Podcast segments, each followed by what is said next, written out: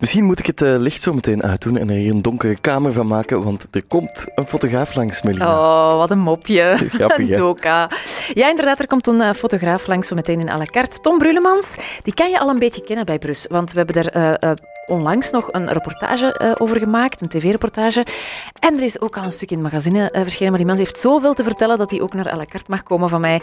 Um, het ging allemaal over 11 november, wapenstilstand, want die is eigenlijk naar het naar de begraafplaats in Everen getrokken. En die, um, wat hij dus eigenlijk doet over heel België en op andere plekken ook, is graven in de geschiedenis van Wereldoorlog 1.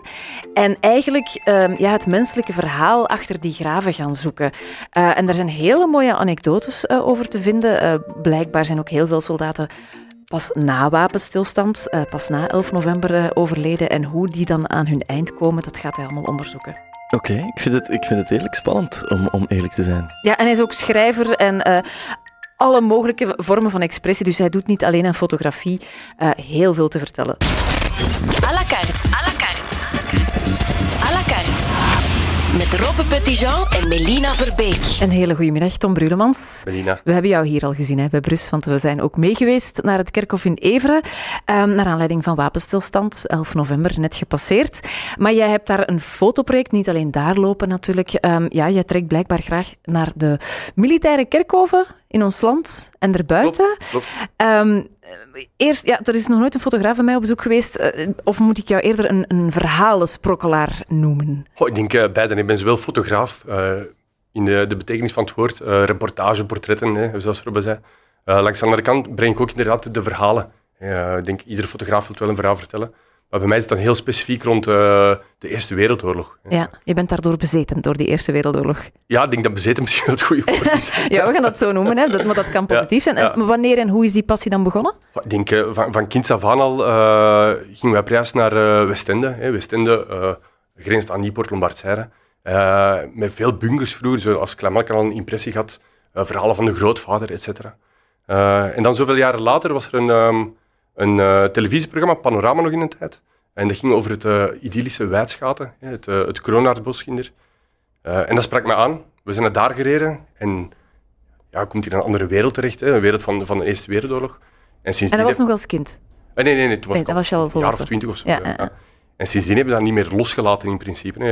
Het begint heel groot, hè. je bezoekt grote kerkhoven en je gaat altijd maar verder en verder in de details. En tot een duur, ja. En hoeveel heb je er dan zo al bezocht? Heb je de tel bijgehouden? Geen idee. Ik denk, denk, vijftigtal, uh, 70, 100. Uh, ja. Ik weet het eigenlijk niet. Ja, dus Als ik ook niet ben, meer ik, hoeveel... zie, ik, zie een begraafplaats, meestal stop ik. Meestal rijd ik voorbij. Ah, ja. Dan zeg ik, oké, toch even... Uh, ja, maar dat is altijd zo'n militaire begraafplaats gelinkt aan, aan Wereldoorlog ja, 1. sowieso. Ja. Ja. dus je bent ook al in Normandië geweest? En... Ja, heel lang geleden. Normandië is vooral Tweede Wereldoorlog, hè, ja. de, de landingsstranden.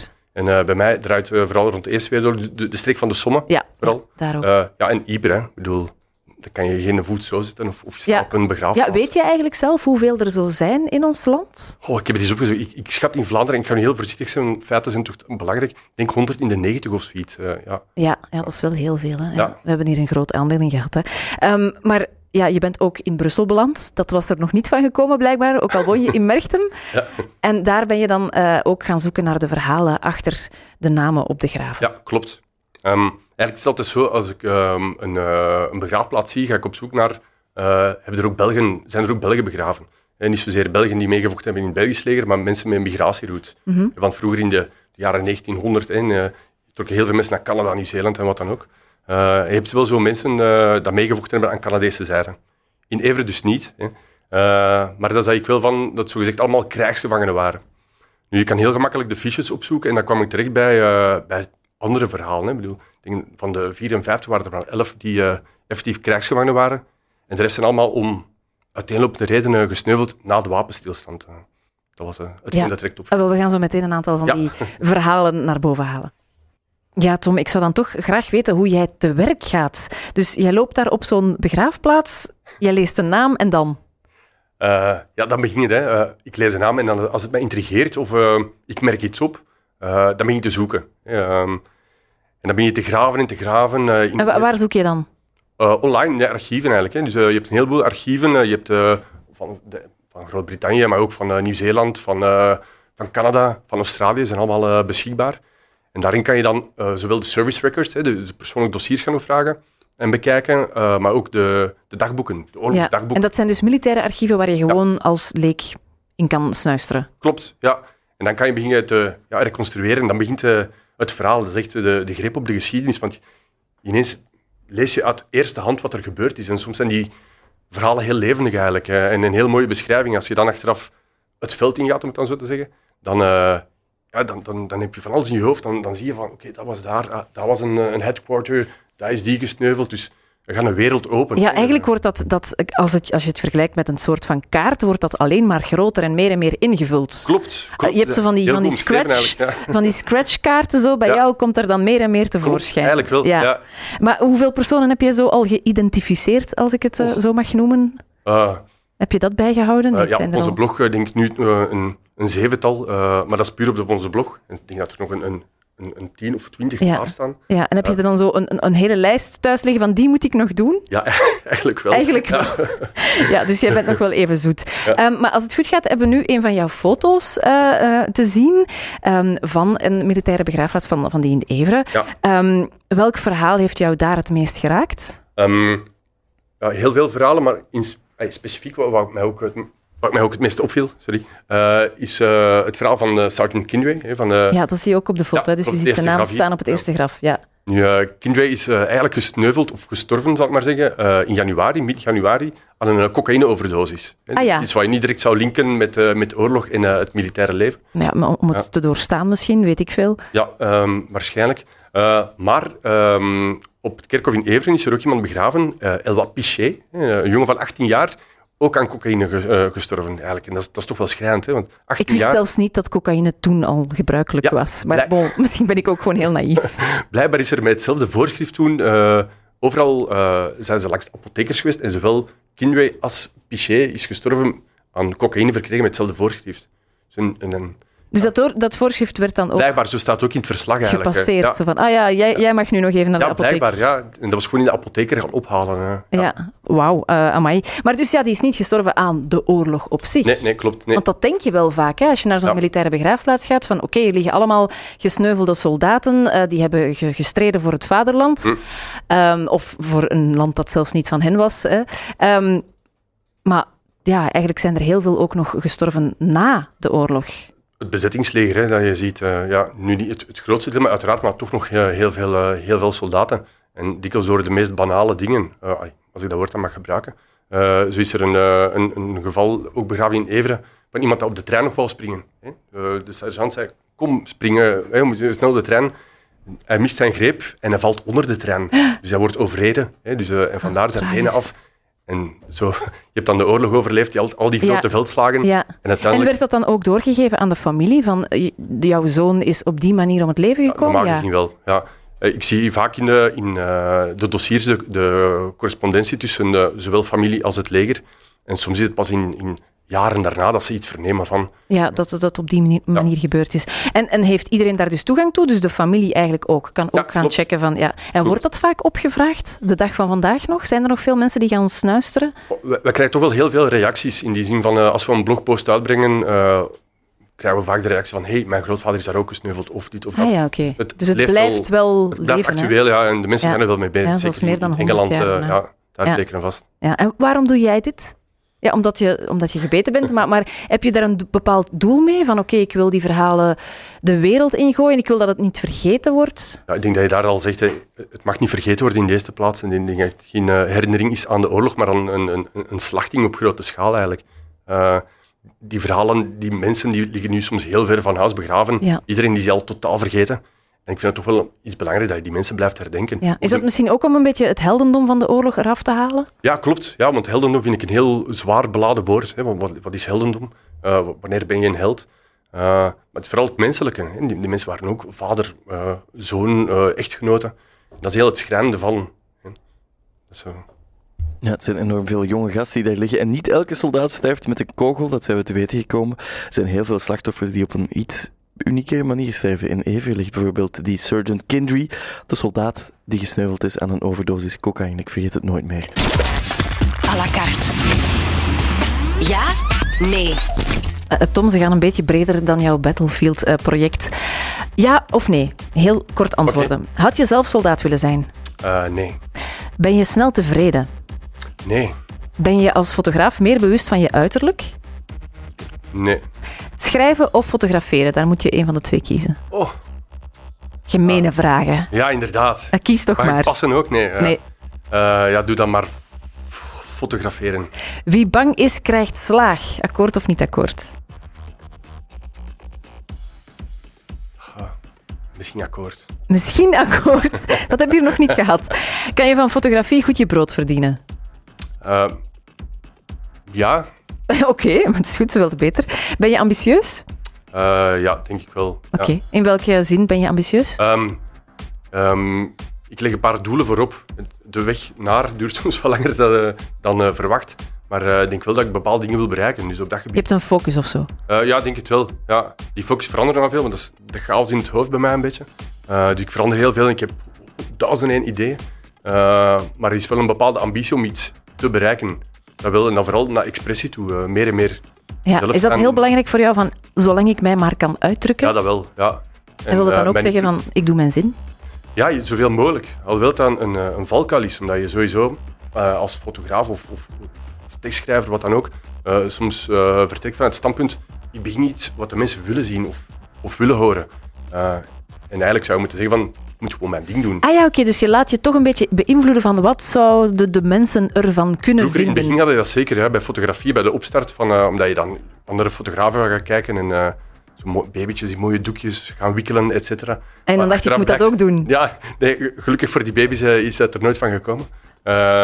Maar het is wel iets dat je in het begin wel merkt van, oei, je, je speelt je heel hard aan, aan de... Aan, aan Ja, en, en, dat en wie was dan bij jou zo degene die je wou kopiëren, om het even, even lelijk uit te het, is nu, drukken? het is nu niet eh, dat, dat ik een, één specifiek iemand had, hè, eh, waar ik wel altijd naar eh, probeer te evolueren, zeker in mijn portretfotografie, is eh, de, de stijl, de, de eh, van, van vroeger. De, de filmsterren, foto's. hè. Ah ja, zo jaren 30 dan ja, of zo? ja, van Ja, jaren, ja. zelfs eh, 20, 30, 40, eh begin jaren 50. Dat, dat vind ik een heel mooie stijl. Ja, nog een andere passie van jou dan.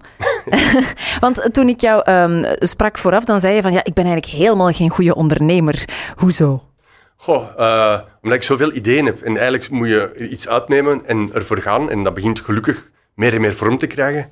Eh, maar in het begin was dat langs alle kanten maar. Hè. Je had te veel misschien is dat, wel, ideeën, ja. is dat misschien juist wel ondernemerschap, maar je, je komt in een wereld terecht van oké, ik ben nu ineens zelfstandige.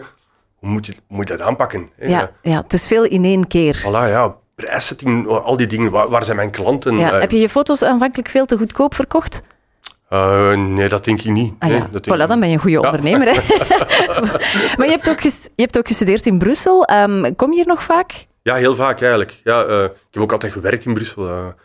ja, de band met Brussel is er wel, zeker Ja. vast. En wat is voor jou dan zo de meest fotografische plek van Brussel?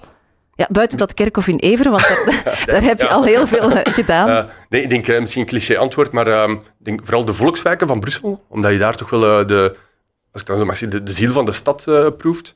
En zeker ook als je naar, naar boven kijkt, want we, hebben altijd, we zijn altijd aan het wandelen, we kijken voor ons uit en dat zit. Maar als je rondkijkt, zie je ja, de gebouwen, de oude gebouwen, de, de, de balustrades nog aan, de, aan die, die herenhuizen, dan vraag je af van wie ging hier honderd jaar geleden nog eh, hè, te kijken? Ja, voilà, ja. Ja, die honderd jaar geleden, dat blijft ook bij jou. Hè?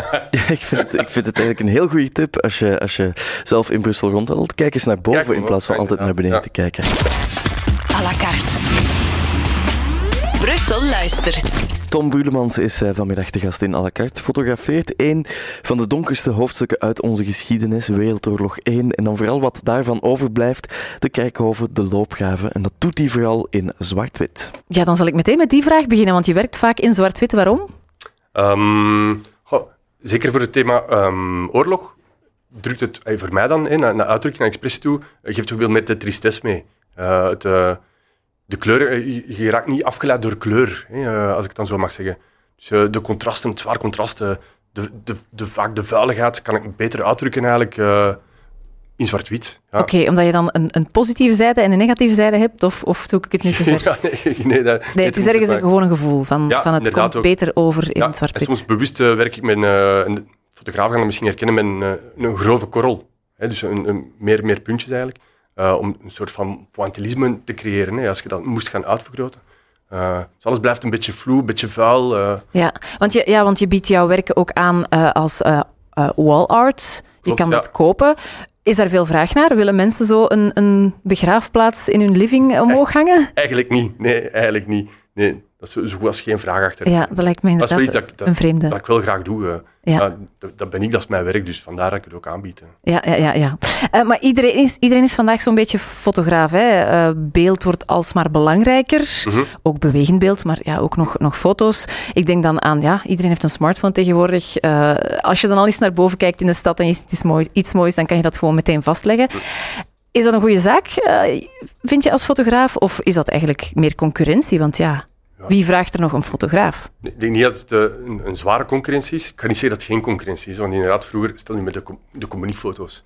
Vroeger deed je echt beroep op de fotograaf. En tegenwoordig is dat niet. Maar is het daarvoor een slechte zaak? Ik vind juist creativiteit goed. Mensen gaan ook beginnen meer zien, meer zelf doen. En het kan maar plezant zijn. Ja, maar voor- kijk, kijk je nog wel echt als je foto's aan het nemen bent? Want ik, ik ga bijvoorbeeld graag op reis. Hm. En vroeger dan trok ik amper foto's. Hm. Want dan had je zo iets mee van, wat is het, 36 foto's op zo'n doordraai eh. Ja. En nu kan je pff, tot, ja, ik, heb, ik ben nu één week weg geweest, ik heb 2000 foto's. Dat Ja. is verschrikkelijk. Die staan dan ergens op mijn computer en ik begin er gewoon niet aan. Ah, oké, ja, ja. ja. Nee, ik vertrek wel altijd van een, ehm, van een, beeld in mijn hoofd, hè, zoveel mogelijk. Als ik ergens op een plaats aankom, eh, kijk ik vooral eerst, zonder te beginnen fotograferen. Ja. Ik kan zelfs klaarstaan om, om foto's te trekken en hem toch niet nemen. Eh, ja, En wat maakt, jou, wat maakt dan dat je daarvan afziet?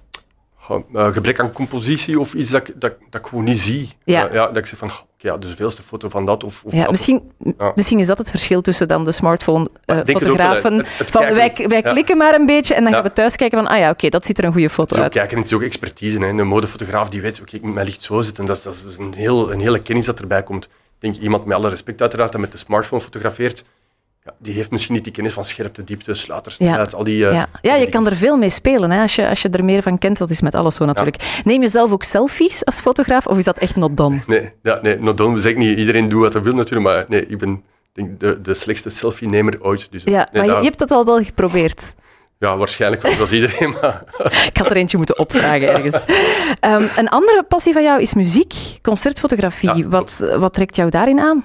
Eh, goh, de, de sfeer op zich. Hè. Ik bedoel, ben fotograaf bij Rock'n'Load Concerts in, eh, in Aalst. En altijd wel typerend is zo de, de underground scene, als ik het dan zo mag noemen. Eh, heel veel punk. eh, Stevige werk. zo. Ja. Ja. wat Ja. onbekender, maar ook binnenkort komen UK Subs, hè, de, de, de oervaders van de punk bijvoorbeeld, in Aalst. Dus ja, de, de ambiance. en daar kan ik me ook uitleven, dat is totaal anders. Bij, Het is wat vrolijker ook. Ja, en ook het... allee, moet ik het zeggen? Je, staat beneden in de pit, je voelt de adrenaline. Je, ja, het is een totaal Ja. andere manier van werken dan heel sereen, eh, bewust achter, achter beelden gaan jagen. Ja. En Ja. wat maakt een concertfoto tot een goede foto? Ehm, als je uit de foto kan afleiden wat dat ogenblik was, denk wat de ambiance was, wat de, ja, voelen, wat de, wat de mensen voelden op de foto. Dat Je moet er ja. afspatten. Ja, eigenlijk wel. Het, het zweet moet uit het kader komen, ja. zoiets. Je moet het ruiken. Ik kan er misschien zo kan zo'n gezorgd worden, ja. een soort geurdingetje aanhangen, dat het echt effectief naar zweet ruikt. De fotografietips die blijven ook maar komen, je hebt het eh, zo net gehoord. Eerst kijken, dan klikken. Ik schrijf het op. à la carte. Op de plank. Op de plank, dan vraag ik meestal van, wat ligt er nog op de plank? Welke projecten liggen er voor jou nog in het verschiet? Want 11 november is nu gepasseerd. Ja, ehm, ik denk ons grootste project dat er nu aankomt, eh, is eigenlijk eh, volledig klaar. En ehm, is onze tentoonstelling, de eerste tentoonstelling van, eh, van Battlefield Photography, noemt Gebeiteld en gaat door in het cultureel centrum van Assen. Van, van 3 december, een maand lang. Dus alle luisteraars zijn zeker welkom om eens te komen zien. Eh, het is een combinatie van Als eh, Brussel, dat is niet zo ver ook. Hè? Nee, dat is vlakbij. Dat is, dat is vlakbij. Moet je niet helemaal naar de Westhoek. Ja. Eh, het is een combinatie van mijn eigen teksten eh, ja, met, met de foto's eigenlijk, hè, die, die twee Ja, combo's. Dan, hoor, dan zien Ja. we jou ook als poëet eigenlijk. Ja, Ja, mooi. Zo kun je het, zo kun je het noemen. Ja. En daarachter is de, de rondleidingen, hè, dat we zeker willen uitbouwen eh, om al die verhalen die nu in mijn hoofd zitten, om die toch ook eh, deels uit te dragen. Om ook eens aan de mensen te laten zien van, hey, eh, die persoon deed dat, dat, dat. Dat, we ze, dat ik ze meeneem op, op sleeptouw eigenlijk. En eh, ja, gidsbeurten, als ik het dan zo mag zeggen. Ja, ja, Dus, ja, want ja, dat, je, je draagt je verhalen ook verder niet alleen met foto's, maar ook Ja, door het te klopt. vertellen. Hè. Eh, zit er zo geen boek in, denk ik dan, Tom? Ja, eh, uiteraard. We bespreken daar heel regelmatig over. Hè.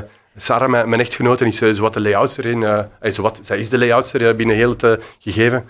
Eh, en het zou perfect, eh, perfect gaan. Ja, zij heeft al een layout klaar, jij moet het nu nog schrijven of zo. Ja, de, foto's, eh, ik denk dat het zoiets is. Ja. ja. Maar dat zou een heel goede samenwerking zijn, sowieso.